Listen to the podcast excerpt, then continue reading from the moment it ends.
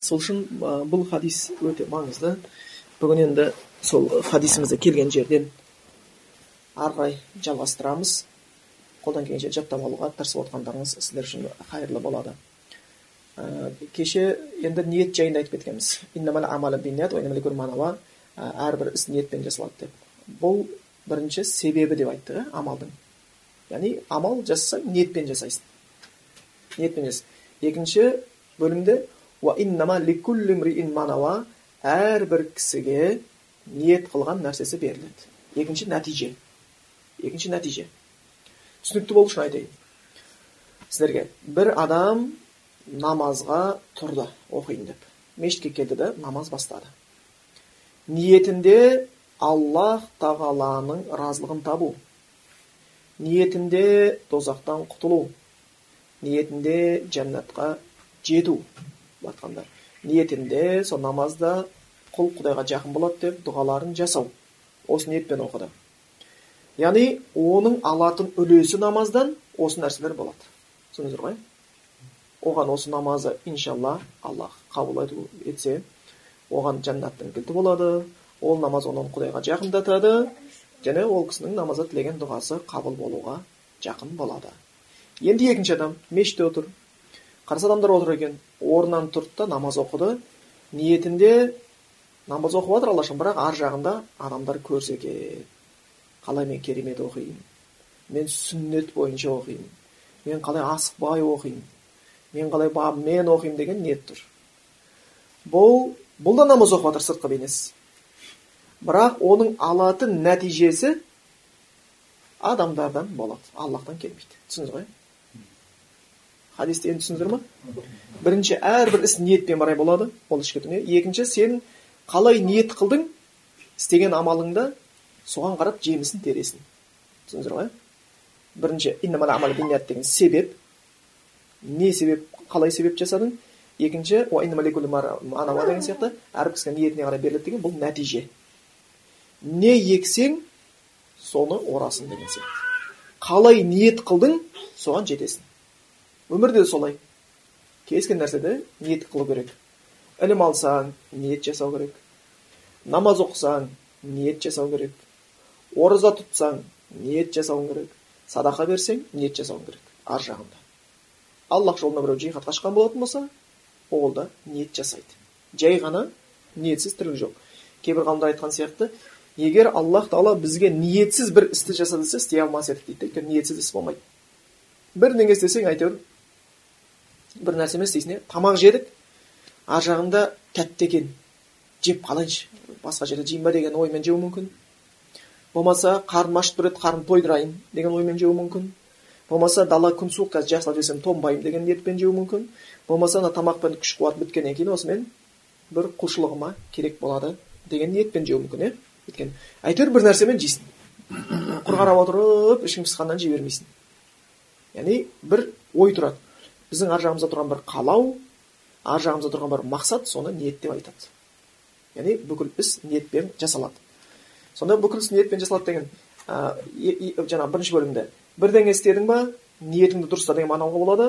Болмаса не істеп жатсаң да бәрінің артында ниет тұр деген мағына болады. Түсіндіңіздер ғой не істесең де ниет тұр. Ниетсіз істеген тірлігің жоқ.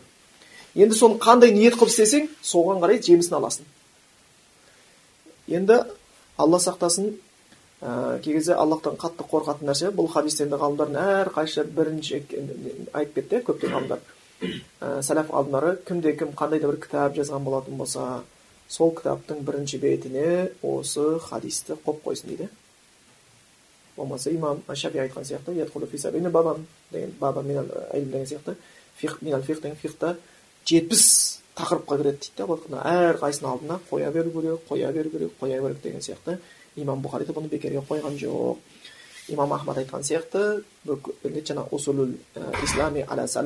хадис ислам үш хадистің үстінде тұр дейді соның біреусі осы хадис бұның хадистің мағынасын білмесең сенің сауабың құлап қалайын деп тұр да сауапсыз қалайын деп жатрсың сонда бұл өте маңызды бұл өте маңызды кейбіреулер бұны жаңағы имам шафи үштен бір деген болмаса кейбіреулер деп айтты бұның үштен бір деген жоқ не деп айтты исламның жартысы деп айтты да өйткені бұл хадис бүкіл исламда жасалатын құлшылықтың ішкі дүниесін қамтиды амалун батина дейді мизану амалил батина бүкіл исламдағы ішкі амалдардың таразысы дейді бұл хадис екінші хадис бар айшамыз жеткен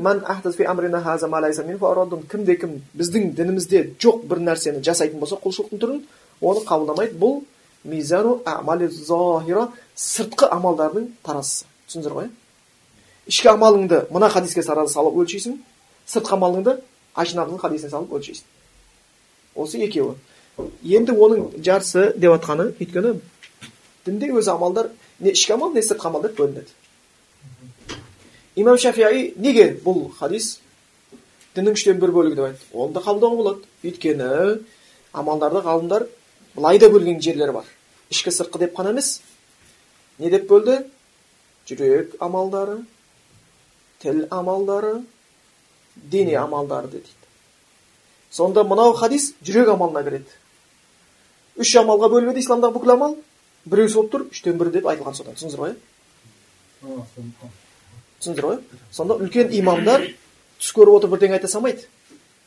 Олар ұлы сөздерді айтады өйткені олар ұлы кітаптарды оқып жүр құран хадисті соған қарап аллах тағала оларға санасына сәуле беріп қойған енді сонда имам шафидің бұл діннің үштен бір бөлігі деп айтылған себебі не себептен екенін түсіндіңіздер иә діндегі үшке бөліп қарайтын болсақ тіл ғибадаты жүрек ғибадаты дене ғибадаты десек онда жүрек ғибадатының бәрі осы хадиске келіп тіреледі ал енді ғибадаттағы исламдағы ғибадаттар екіге бөліп қарайтын болсақ ішкі ғибадаттар сыртқы ғибадаттар дейтін болатын болсақ ішкі ғибадаттың бәрін осы алып кетеді онда тең жартысы болып шығады.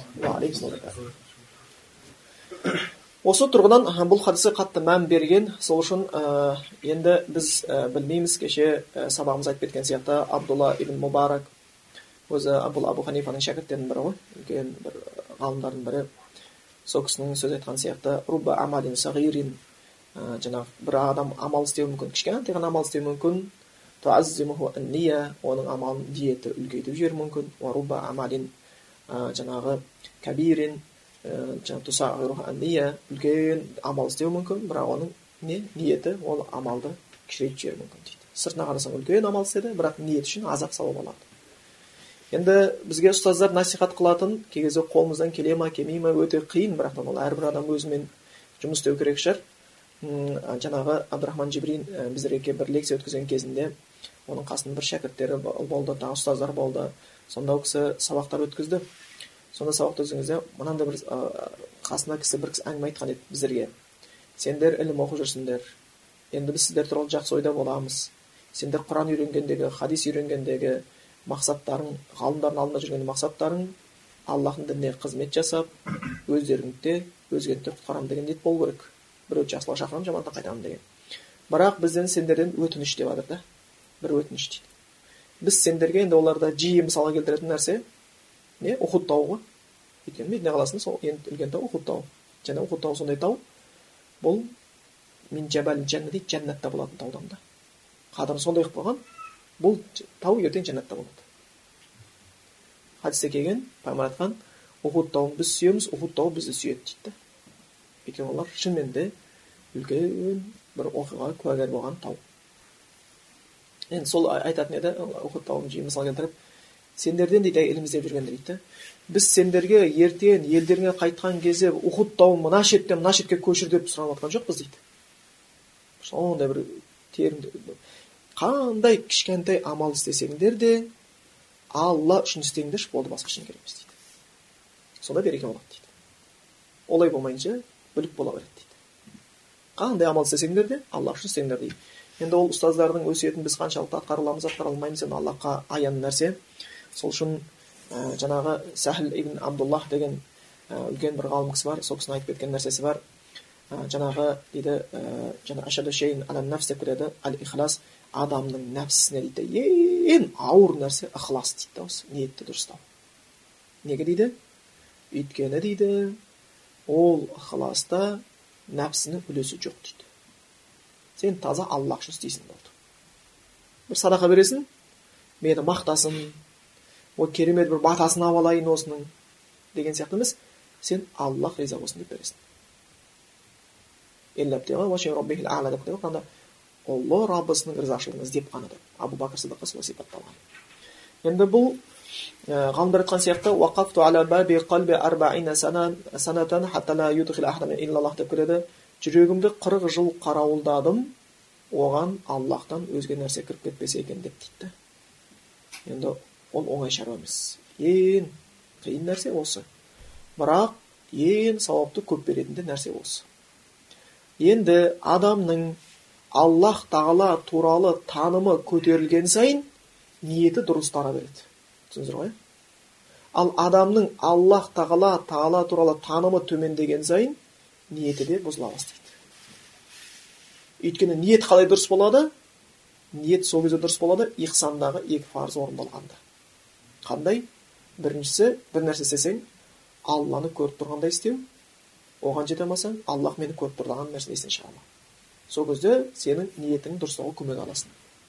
Ал енді адамдардың көзі адамдардың сөздері үшін жұмыс істейтін болатын болсаң көп нәрсеге жете алмай қаласың. Мүмкін бұл дүниеде жетуге болатын шығар. Бұл дүниеде о батыр о шейх о жомарт деген аттарға жетуге болатын шығар атың газеттен түспейтін шығар аттың елдің аузынан түспейтін шығар ә, деген сияқты ондай нәрсе болатын шығар бірақ ақыретте ол жағдай басқаша болады мына дүниенің өлшемі біздер адамды сыртқы істеріне қарап баға береміз. түсіндіңіздер ғой? адамға қарап ана кісі намаздан қалмайды. жақсы деп ойлаймын. Келеді. Мен солай деп ойлаймын негізі. Екінші ә, мысалы алатын болсақ ана кісі көп садақа береді. Мен ол кісіні шынымен де тозақтан құтылу үшін беріп жатыр деп ойлаймын. Біз осылай береміз. Дүниеде. Біз адамның сыртқы ісіне қарап баға береміз. Көп намаз оқиды садақа береді құранды көп жаттаған ілімді жақсы іздейді мінезі көркем деп біз сыртқы ісіне қарап баға береміз. Бірақ о дүниеде ішкі іске қарап баға беріледі. Ғой. Біз адамдар адамның сыртқы сөзі мен ісіне қарап танимыз. Бірақ аллахтың алдында сенің ішкі дүниеңе қарап қадірің болады сол үшін қасекең сияқты. Аллах тағала сендердің денелеріңе қарамайды. Суарикум сендердің түрлеріңе қарамайды. Бірақ сендердің ол аллах тағала жүректеріңе қарайды істеп жатқан амалдарыңа қарайды дейді. Жүректе ол ниет ол жүректе болатын нәрсе. Түсіндіңіздер ғой сол үшін аллахтың алдында қадіріміз ол жүректе жасаған ниетке қарай болады біз мұсылман мұсылман емес біз өзіміздің арамызда егер мұнафиқ болатын болсақ оны да білмейміз. Ажырата алмаймыз дұрыс па? Омар разанху білген жоқ қой. Сұрайды мұнафиқтардың ішінде мен жоқпын ба? Кім мұнафиқ айтпаймын? дейді. Пайғамбарға айтқан бірақ пайғамбар ешкімге айтқан жоқ өйткені мұсылмандар сондай әлсіз бір біріне ренжіген кезде оп оңай мұнафиқсың деп айта салуы мүмкін ал бұл үлкен фитна тудырады үлкен ал енді мысалы құранда да келеді мысалы мұнафиқ сүресінде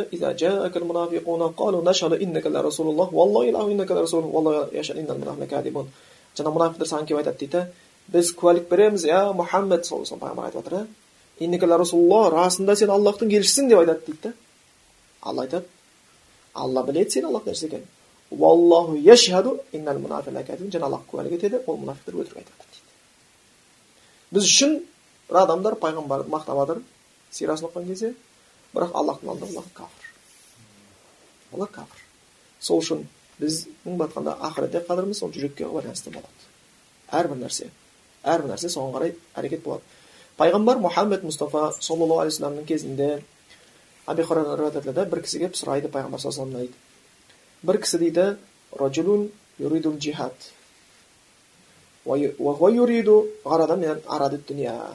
ол дейді бір кісі дейді аллах үшін жихад қылғанды қалап тұр дейді бірақ ар жағында енді дүниеден де үлес алайын деген ой жоқ емес дейді неге соғыс болған кезде егер ұтылса кәпірлер олардың дүниесі алуға рұқсат етіледі и алла жолында соғысқандарға бөлініп беріледі.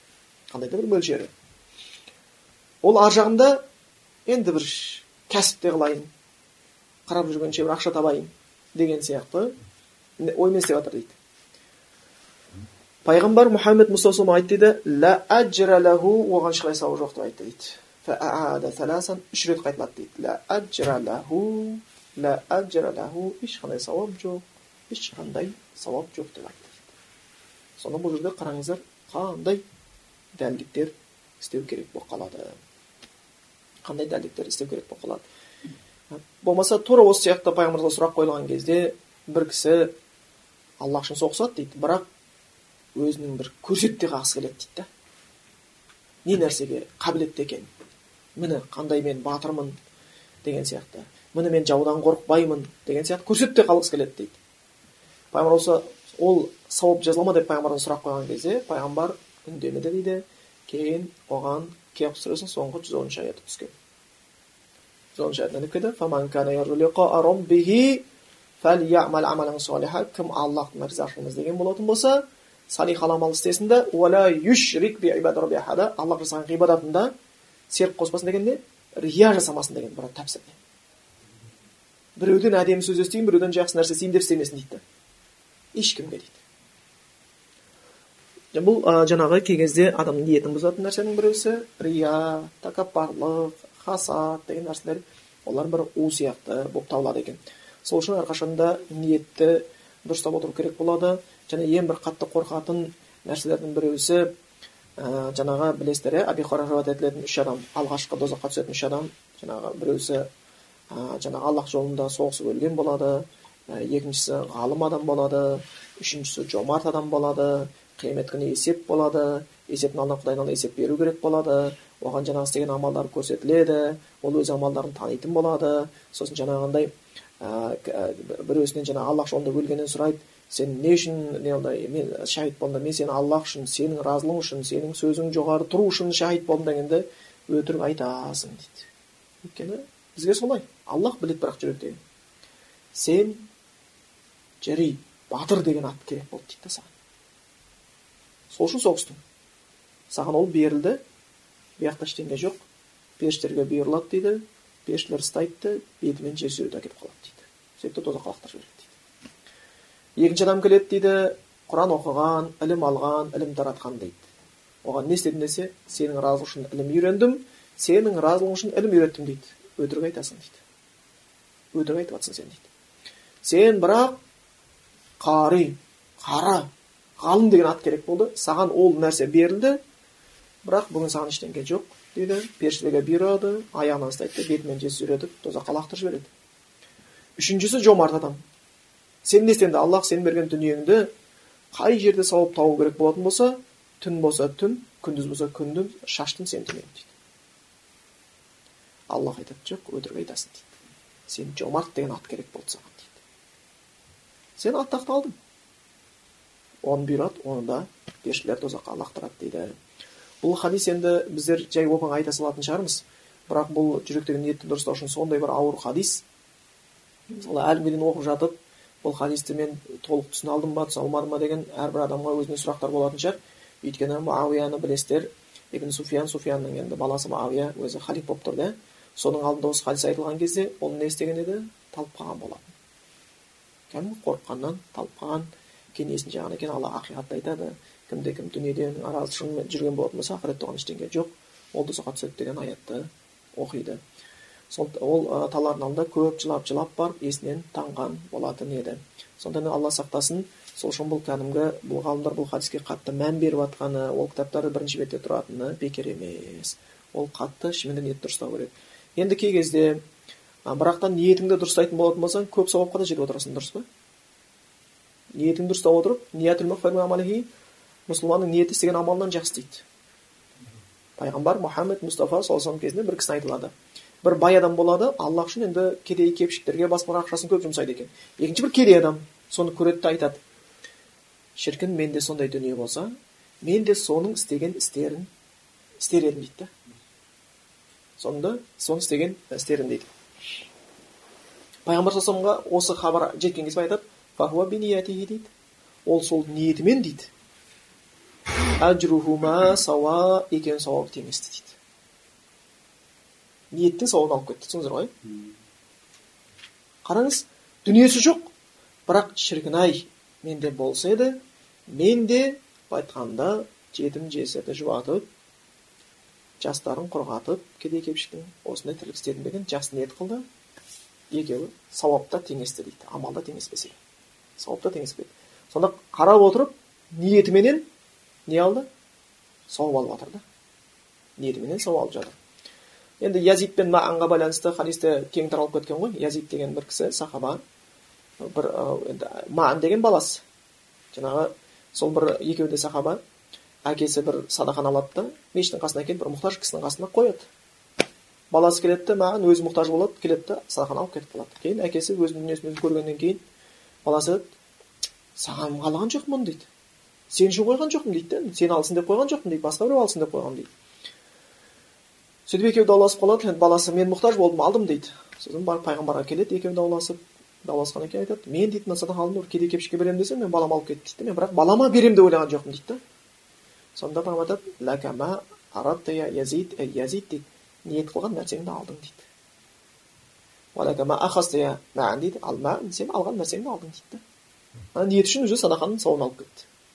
Осыған қарап кейбір ғалымдар зекетте мысалға бір адам зекет шығарса дейді да.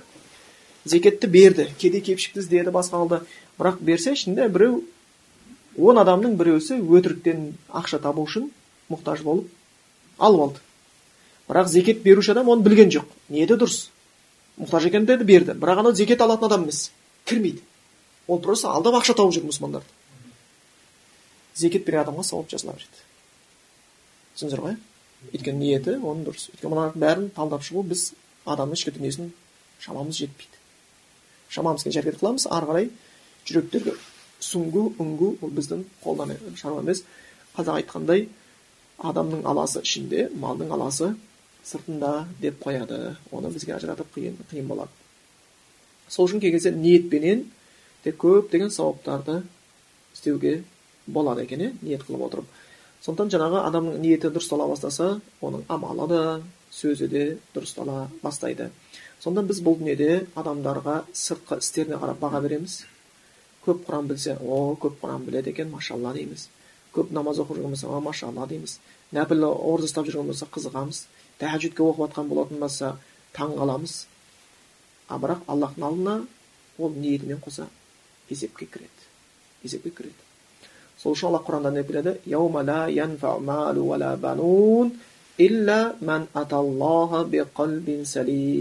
Ол қияметтің күніне мал да бала шаға да ештеңе көмектеспейді.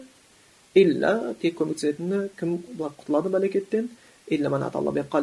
Кім аллахтың алдына сау жүрекпен келген болса ниеті дұрыс болған болатын болса мына жүректің ішінде рия болған жоқ тәкаппарлық болған жоқ басқа болған жоқ сол үшін кей кезде садақа беру болсын басқа болсын ілім алу болсын жихад қылу болсын ниетті дұрыстамаса сауап деген қатты кетіп қалуы мүмкін бұның маңызы соншалықты сол үшін имам абу ханифа алла кісі рахметіне бөлесін өзінің фиқул акбар деген кітабында не деп келеді рия амалға араласса сауабын жояды дейді амалды жояды дейді сауап жоқ енді алла сақтасын қандай қасірет сен былай айтқан кезде қанша уақытыңды ілімге уақытқа бөлесің қанша кітаптар оқисың қанша шейхтің алдында отырасың қанша біреуге насихат қыласың кейін екен о дүниеге барсаң түк жоқ та бәрі адамдардан күткен екенсің о қандай екен қандай мықты екен деп и былай тыпырлап қалсаң аяғынан періштелер ұстап алып тозаққа сүйреп әкетіп бара болатын болса қандай қасірет деймін да шаршаған. Сол үшін ғашия сүресінде келеді. Ғашия сүресінде келеді ғой. Саған ғашияның хабар жетті бұл қияметтің бір аты. Ғашия деген жабушы. Неге оның қияметтің бір аты жабушы деген атпен аталды? Өйткені жаңағы жаңағы қиямет күні әшейін кезде бір қиындықтар жеке жеке жабатын болса қияметтің күнінде қиындықтар бүкіл қиындық жабады да. Мысалы мына өмірде бір адамның басында он проблема болуы мүмкін. Он бір проблема болуы мүмкін. Ал қияметте әр адамның басында қанша проблема бар соның бәрі бірден түседі жауап қалады. Ол күні бір жүздер болады кәдімгідей үрей билеген айтқанда ешқандай қарсылықтың да белгісі жоқ толық бойұсынған жүздер болады деп келеді жаңағы қиямет күнінің бір белгісі несінде? Және бір адам сол, сол сүренің ішінде бір сипаттайды біреулерді не деп келеді амилатун бір адам болады дейді амал істеген дейді құлшылықтың бәрін істеген дейді насиба бірақ бекерге шаршапты дейді тасла хамия тозаққа тасталады дейді сол үшін біздің істеп жатқан амалымыз дұрыс болу үшін мына бір нәрселерді есте сақтағанымыз жақсы ол нәрселерді абдулла ибн масуд өзінің сөзінде былай деп айтады илля би амалин дейді құр сөз адамға пайдасын бермейді ол сөз амалға өтпейінше өзің намаз оқымайсың біреуге намаз оқи дейсің пайдасы жоқ өзің арақ ішесің біреуге ішпе дейсің яғни бірінші өзің амал істеп алу керексің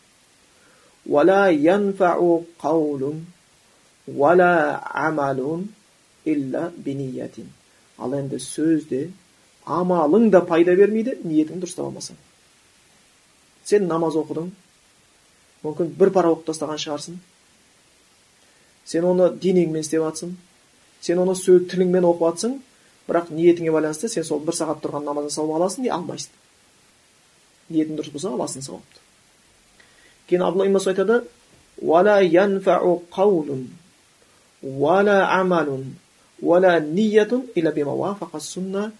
және құр сөз сөз амал ниет бәрі болса бірақ істеген ісің сүннетке сәйкес болмаса және де пайдасы жоқ деп кетеді екен сонда осы жерден қараған кезде ә, амал істеген кезде ниетті дұрыстау керек болу екен жаңағы ә, істеп жатқан ісіңді аллахтың кетірген дініне сәйкес болуға тиісті екен сол ә, нәрселердің ә, біреусінде мысалға деп айтқан сияқты сүннетке сәйкес болу керек деген сияқты жаңағы ғашир сөзге амилатун насиба деген бір адам амал істейді бірақ құр шаршап келген хамия ол адам амал істеген шаршаған құлшылық жасаған бірақ дозаққа түсіп кетейін деп жатыр. Жанып тұрған ания қайнаған судан ішейін деп жатыр. Өте жанып күйдіретін отқа айтқанда пісіретін суға ішіп түсейін деп жатыр да ол. Сол күйінде отыр оның не себептен? Бірінші себебі ол амал істеді. Бірақ амал істегенмен ниеті дұрыс болмады. Екіншісі ол амал істеді бірақ істеген амалы сүннетке сәйкес болмады. Екінші оның істеген нәрсесі не? Сүннетке сәйкес болмады. Сонда бұл екі ә, нәрседен жаңағы ол қатты қателік жіберген болып қалады екен? Омар ә, ибн әл хаттабтан келтіреді ол кісі өзі халиф болып тұрған тұсында ә, бір ә, жерде жаңағы мұсылманның қолына көптеген жерлер өтті ғой. Сонда жаңағы осы машил ақса жаққа барған кезде христиан өкілінің бір адамын көреді. Соны жаңағы шақырады. Ол қария кісі екен. Шал кісі өзінің кішігірім шіркеуінен шығып құлшылық қылатын жерінен шығып қараса әбден қартайған беті сарғайған күші кеткен сақалы ұзарған бір шал шығып келе екен. Омар соны қарап тұрады да жылап жібереді. Қасындағы кісілер түсінбей сұрайды иә омар неге жыладың? деген кезде құрандағы амал істейді бірақ шаршаған тозаққа түседі деген адамдардың сипаты осы типкес деген екен осы күйде деген екен дейді.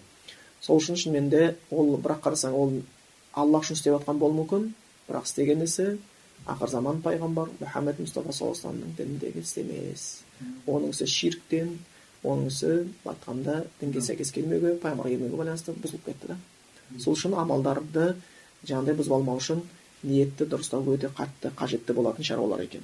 Енді біз хадистің арғы жартысына өтейік. Өйткені ол да өте маңызды жерлердің біреусі енді бұл хадистің басында осы біздің айтып кеткеніміз әрбір амал ниетпен жасалады. Әрбір кісіге ниет қылған нәрсесі беріледі деп айттық қой. Одан кейін келетін кімде кімнің хижреті аллаға оның елшісіне болатын болса оның хижреті аллах пен елшісіне болады. Кімнің хижреті дүние үшін болатын болса юсибуха ол дүниеге жетеді. Ау имраатин әйел үшін болған болатын болса оны некесіне алады. Оның хижреті не нәрсеге хижрет қылған болса сол нәрсе болады деген жерге келейік. Бұл сөздер енді жоғарыдағы айтылған нәрсенің мысалы түсініңіз отыр ғой. Пайғамбар мысал келтіріп жатыр пайғамбар сосын ниетті түсіндірді. Сөйтті одан кейін мысал келтірді. Үш адамның мысалы. Бірінші адам аллах пен оның разылығын іздеген адам. Екінші адам дүние іздеген адам. Үшінші адам әйел іздеген адам. Үш түрлі. Бұл жаңағы кейбір ғалымдар айтқан сияқты ә, жаңағы үш адам айтылды дейді.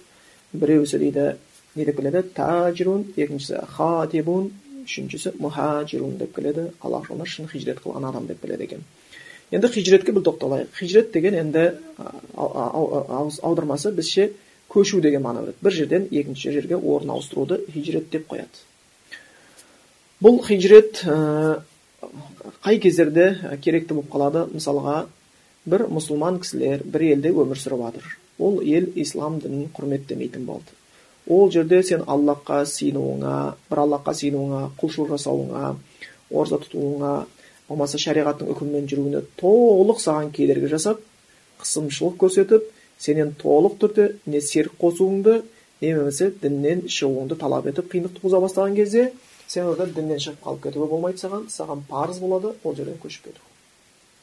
Бұл құлшылықтың бір түрі. Және оның сауабы өте үлкен.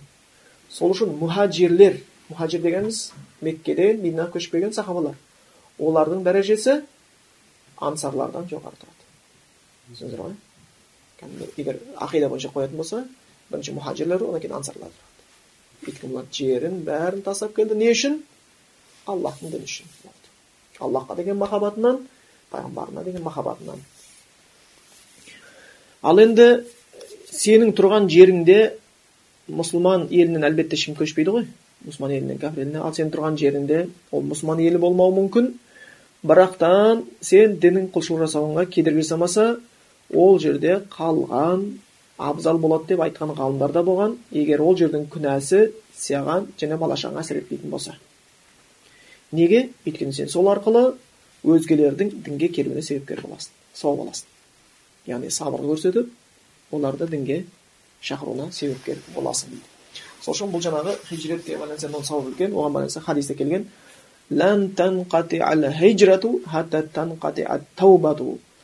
тәубе тоқтамайынша хижрет тоқтамайды дейді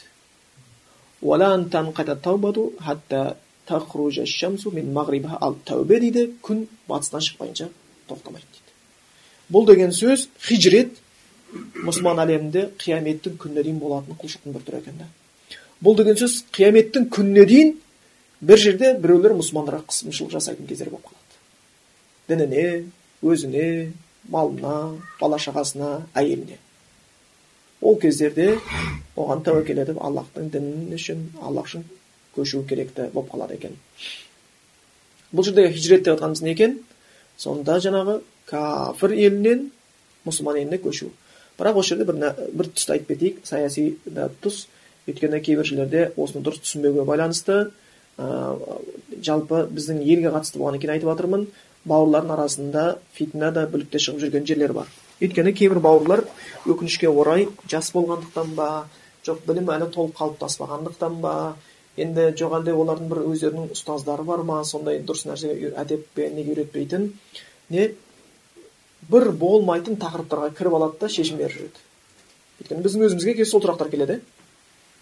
Кәдімгі сұрақтар келеді.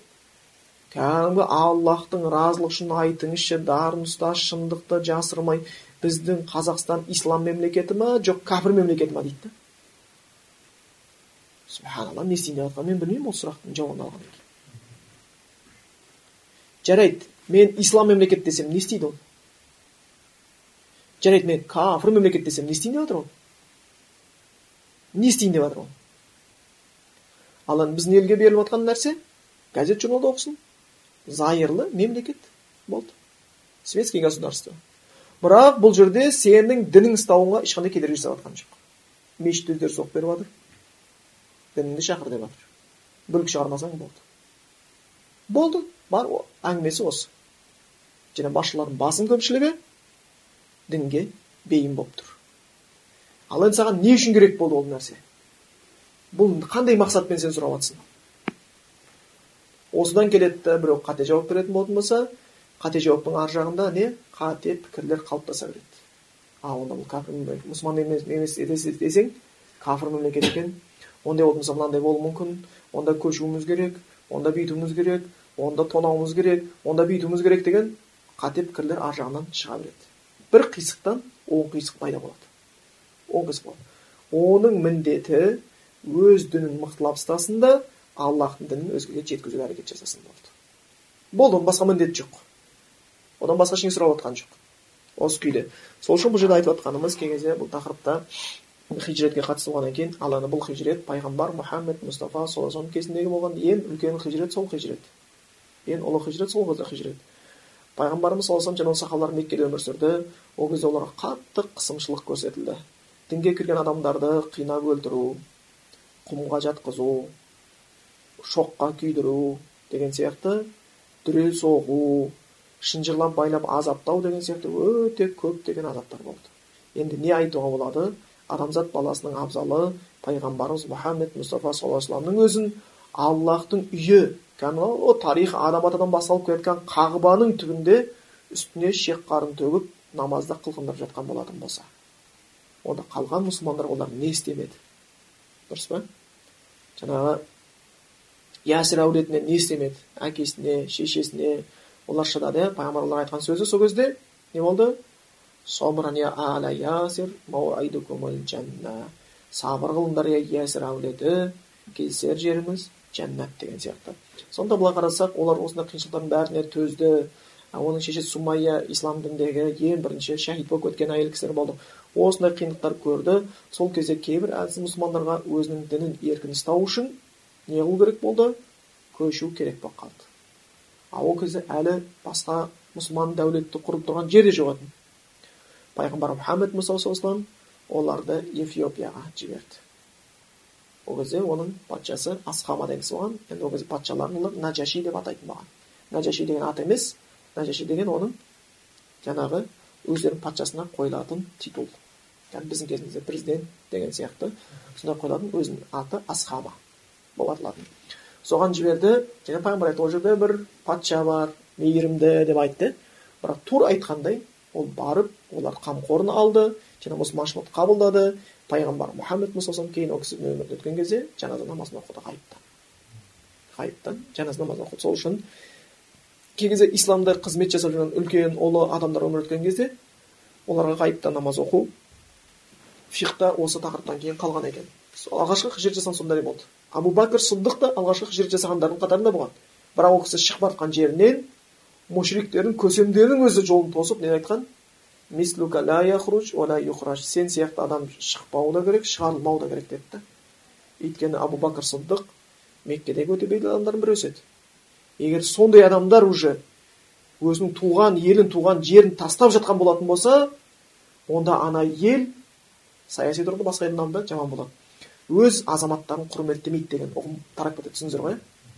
Олар бір аллах үшін қала ғой анау ғой деп жатқан жоқ.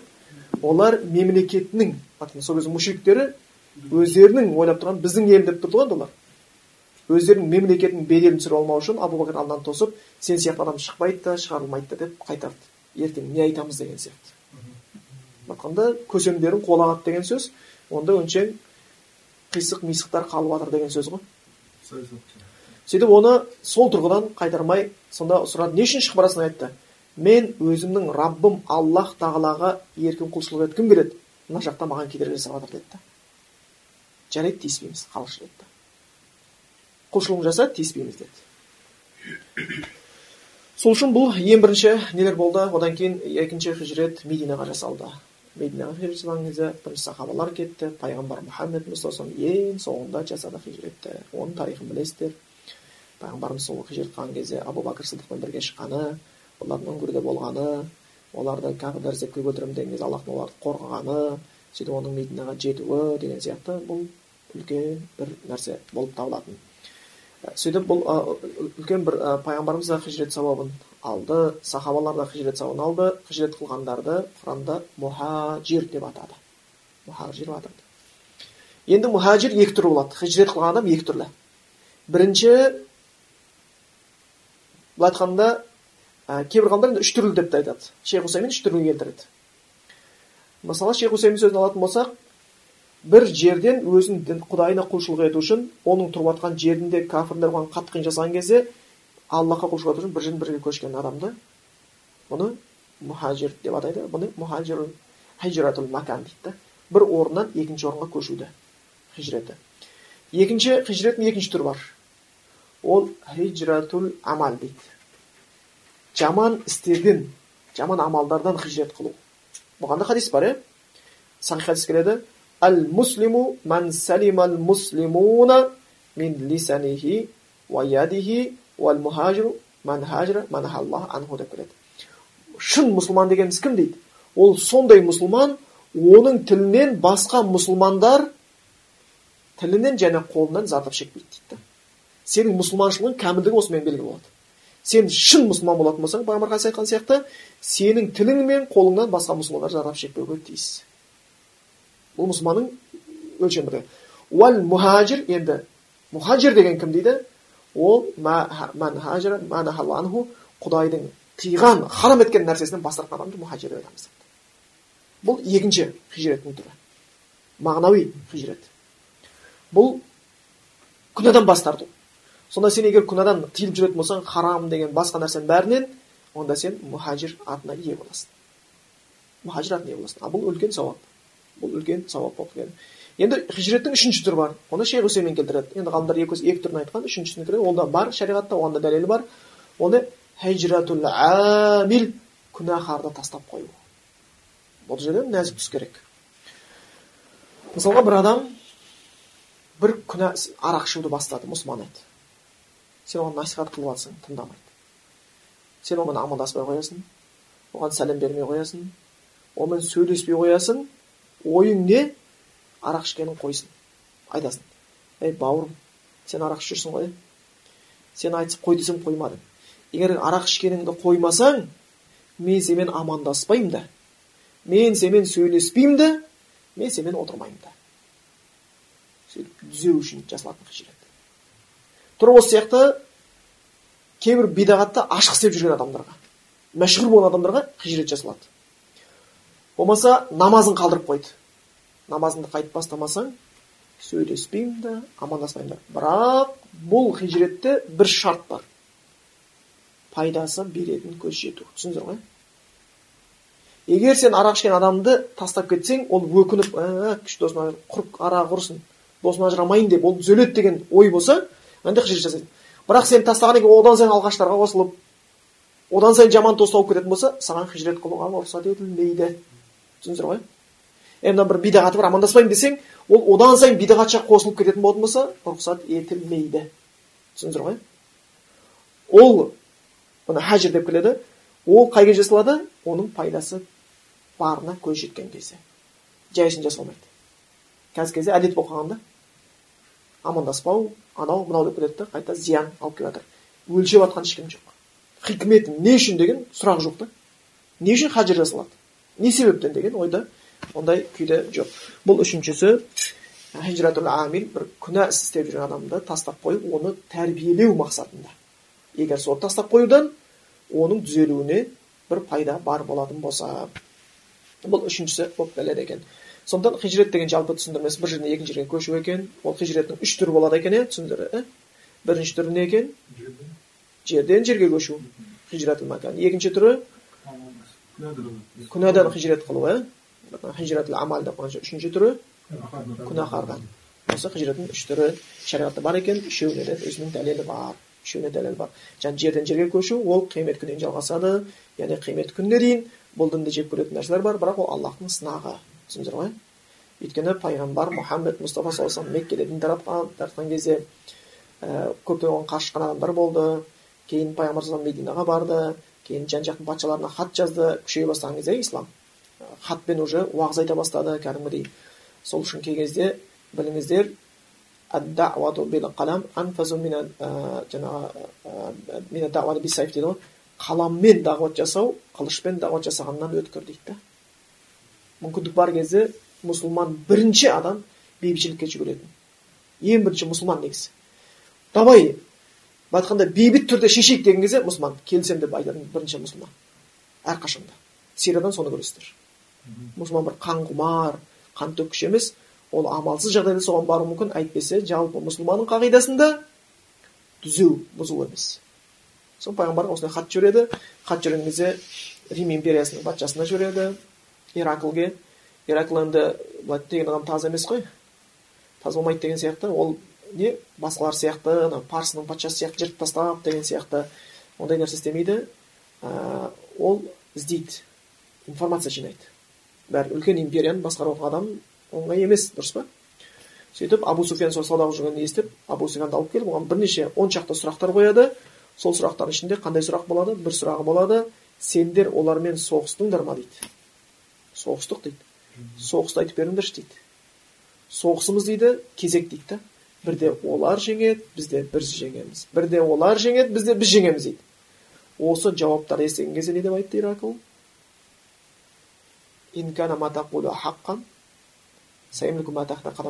сен айтқандарың бәрі рас болатын болса сенің айтқан адамың деді мен тұрған жердің ертең иесі деді осы келеді деді. Ол көріпкел емес ол білді. Сезді. Оның ақыр заман пайғамбар екенін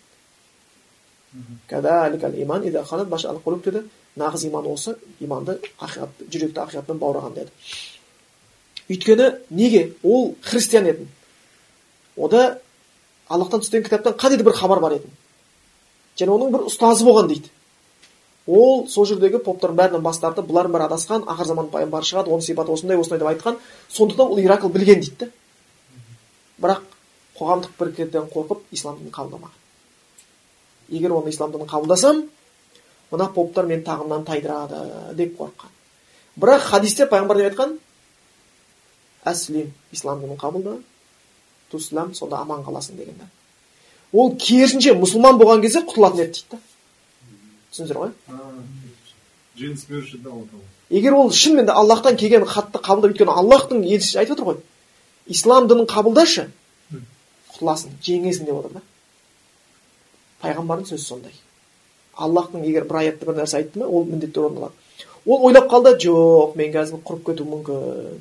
Тақтан ажырайын бақтан ажырайын деді да ана поптардың қасындағы қабақтың түйілгенін көріп жоқ мен ойнап жатырмын мен қабылдаған жоқпын деген сөзден бас тартып шыға келді да былай айтқанда үлкен ізгіліктен ажырап қалды. Сөйтіп былай айтқанда хайырдан махрұм болды алла тағала әрбір адамға осылай ақиқатты көрсетіп береді қабылдау қабылдамау оның өзіне байланысты екен. Сонда бұл жаңағы ә, сөзі не шығатын еді? Өйткені жаңағы хижретке байланысатынбыз ғой. Мұсылмандар қиналған кезде көшіп жатқаны енді қиямет күні болады ол сұрақ қойды соғыстыңдар ма деп соғысты. Жеңілеміз жеңеміз сөйтсе мұсылмандар кей кезде ылғи жеңе бермейді екен да. Егер мұсылмандар тек қана жеңе беретін болатын болса мына діннің ішінде мұнафиқ көбейіп кетеді екен. Мұсылман болу үшін емес. Мұсылманның көлеңкесінде жүру үшін өтірік дін ұстайтындар көбейеді екен. Ал мұсылмандарға жеңіліс келген кезде ұтылған кезде шын иманы барлар дінде қалып кетеді. Имансыз електен түсіп қалады да алла тағала бетін ашып береді сөйтіп шынымен өтіріктің бетін осылай ашып беріп қояды екен. Сол үшін бұл жаңағы кей кезде мұсылмандардың басына қиындықтар түседі. Аллах сол үшін құран айтады деп келеді. Біз сендерге не жақсылық жамандықты беріп не сынаймыз деген иә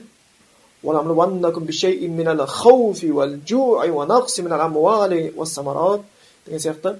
Біз сендерді сынаймыз міндетті түрде бір нәрсемен не? Ең бірінші келетін сынақ қауіп үрей. Енді мұсылманға үрей келеді мә не болар екен? Что то заңы шығыпты дейді намаз оқытпайды деп жатыр что то анау жақта бір мемлекеттер исламға қарсы соғыс ашып жатыр екен. Мынаны бүйтейін деп жатыр екен қырып жіберейін деп жатыр екен сөйтейін деп жатыр екен ондай қылып жатыр екен бұндай қылып жатыр екен деген сияқты бір үрейлер келеді. түсіндіңіздер ғой? Бұл сынақ дейді.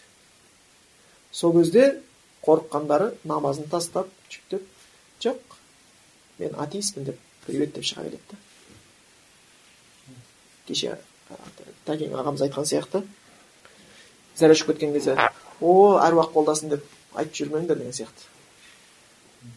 Яғни шын мұсылман өтірік мұсылман сол кезде арақ болады шын мұсылман ақырына дейін мұсылман болып келеді аллах сол арқылы електен өткізіп алады екен бұны айтып жатқанымыз хижрет яғни не себептен хижрет қиямет күніне дейін парыз болып тұр күн батыстан шыққанша өйткені сондай сынақтар қайта қайта оқытым оқытым әр жерде айналып келіп отырады екен әр жерде болып отырады екен алла тағала енді біздің елімізде тек қана тыныштық болсын дейміз ислам діні тарай берсін алла сол күш қуат берсін деп сұраймыз сонда бірінші хижрет ол бір жерден екінші жерге көшті. Ол сахабалар бірінші көрсетіп кетті оны. Аллахтың разылығы үшін. Сол үшін құранда аят келеді. Ә, меккеге ә, мысалға ислам дінін қабылдап кісілер келе бастады. Әйелдер келе бастады. Мумтахина сүресінде келеді ғой дейді. Егер сендерге хижрет жасап әйелдер келген болса жаңағы ә, мединаға меккеден олардан емтихан алыңдар дейді. Аллах иманын аллах біледі дейді да сендер оның сөзін қабылдайсыңдар болды. Жүрегіне кіре алмайсың деп жатыр да.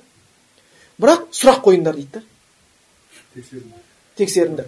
Абдулла ибн аббас келтіреді олар келген кезде пайғамбар мұхаммед саллаллаху олар сұрайтын дейді. Ант ішкізетін дейді да не үшін келдің?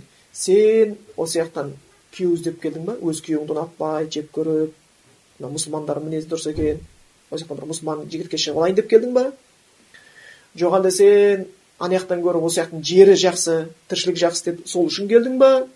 Жоқ әлде мұсылмандар жеңіске жетіп байып жатыр екен бір дүниеге үлесім тиеді мұсылмандар кедей кепшікке көп дүние таратады екен бір не татып екен. Сондай мақсатпен келдің ба? Жоқ әлде аллахқа деген махаббат оның елшісіне деген махаббатпен келдің ба деген сұрақ қойылады маған. Десе аллах жаңағы елшісіне деген махаббатпен келдің десе ол қалады. Қалады маған екен. Ал аллах жүрек деген алла оның ниетін айтқан біз сөзіне қарап амал жасаймыз сөзіне қарап амал жасайды екенбіз сөйтіп сондай хижрет жасағандар болған екен бұл күйінде сол бірінші бұл жерде үш хижрет жасаушы адам айтып жатыр біреусі аллах және елшісі үшін хижрет жасағандар дүние үшін емес басқа үшін емес аллах үшін хижрет жасады өйткені ол дінін ұстауға мүмкіндік таппай жатыр басқа жерде екіншісі біреулер хижрет жасауы мүмкін дүние үшін дейді оның себебі ниетінде дүниені ниет қылды дүниеге ниетіне қарап береді біреу әйел үшін жасады дейді сол әйелін некелеп алады дейді бұл нәтижесі енді қараңыздар осы хадисте мынандай бір нәзік тұсы бар оны ғалымдар түсіндірме береді біріншісінде айтады кімде кімнің хижреті аллаға және оның елшісіне болатын болса оның хижреті аллаға оның елшісіне яғни аллахтың разылығы үшін пайғамбарға махаббат үшін болатын болса ол нәрсеге жетеді деп отыр екеуіне түсіндірді қайталады аллах пен оның елшісі болатын болса онда аллахтың махаббатына елшісінің махаббатына жетеді деп жауабын берді қайттан қайталады аллах елші деген сөз қайттан қайталады енді келесіде кімде кім дүние үшін болатын болса дүниеге жетеді әйел үшін әйелге жетеді деді енді олар айтылған жоқ оның кімде кімнің хижреті дүние мен әйелге болатын болса оның хижреті дүние мен әйел деп қайттан қайталаған жоқ не дейді не, не деп бітті хадис хижреті хижрет қылған нәрсесіне деп айтты дейді да яғни ол нәрсе діннің алдында құнсыз нәрсе қайталауға қажеттілік жоқ деген мағына береді дейді ал аллах пен елші ол ұлы сөздер қайта қайта айтқан кезде сауап жазылмаса басқа ештеңе сол күйінде келді деп келеді екен сондықтан бұл жаңағы хадис өзі өте маңызды хадис батқан жүректегі ықылас ниетті дұрыстап алу үшін өте қатты керекті болатын бір амалдардың біреусі оған алла және бұл хадистің және бір маңызды жері оны мысалды бірден келтірген да. Мысалы да бірден келтіріп кеткен. Енді бұл хадиске байланысты бір әлсіз риуаят айтылады бірақ оның күші жоқ. Мұхажир уман қайыс деген сияқты пайғамбарымыз кезінде болды деп айтады бірақ пайғамбар ондай нәрсе болған емес.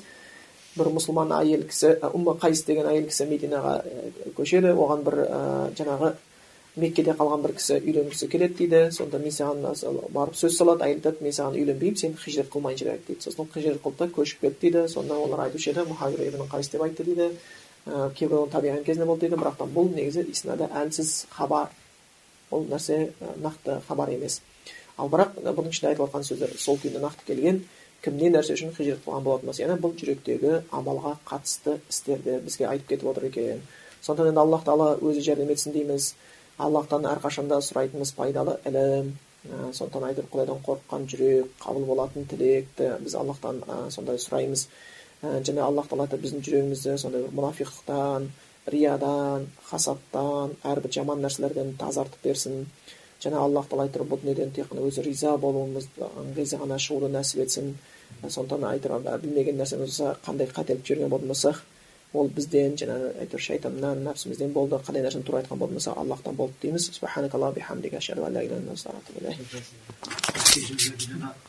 Екі үшінші түрінде жаңағы күнәларды тастау біреу адамды күнә жасай болса тастап түзету мақсатында амандаспайға дейін барып сосын кіре ма соны иә мысалы бидағаттың ішінде үлкен бидағаттар болады? Ол қайтпаса иә мысалы бір айтайық сопылықтың аралас болып болса мәселе иә егер соны тастап кетуіміз оған пайда келетін болса. пайда келетін болса. Иә. ескертіп айтып да. Ескерту айту ал дұрыс емес деп да мхм.